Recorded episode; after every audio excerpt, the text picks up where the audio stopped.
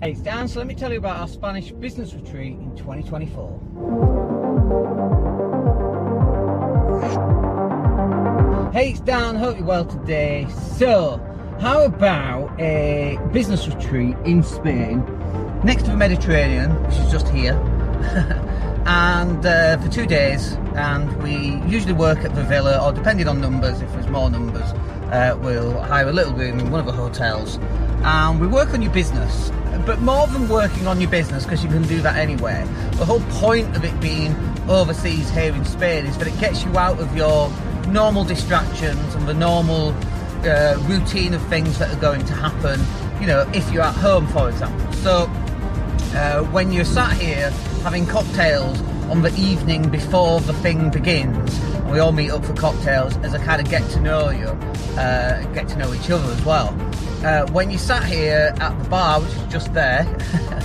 because I'm on the way to CrossFit and everything's very local, and you're contemplating what is it that you want to get out of those two days, and it's something for you to think about now. What do you want to happen when you go home from a Spanish business retreat? And it's very different than any kind of retreat that you've probably been on because it's not that we have a set agenda. Sure, we've got certain things that we want to cover.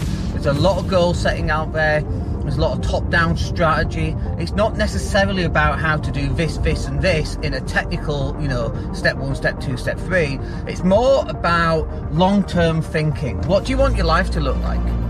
What do you want to happen uh, when you get back home? What do you want to have implemented by the time you get to the end of the year or by the time you come back next year?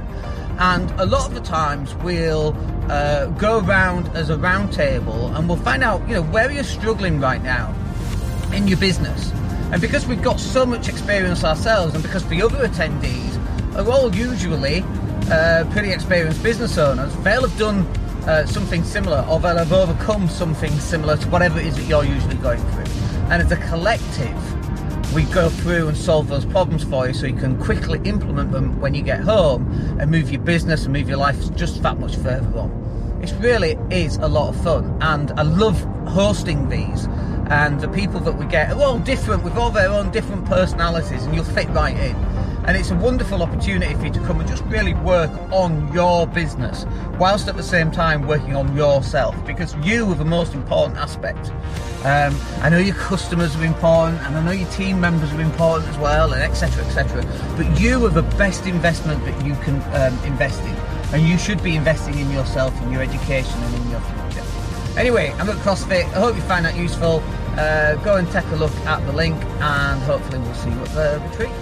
My name's Dan Latto. Have a good day. Take care.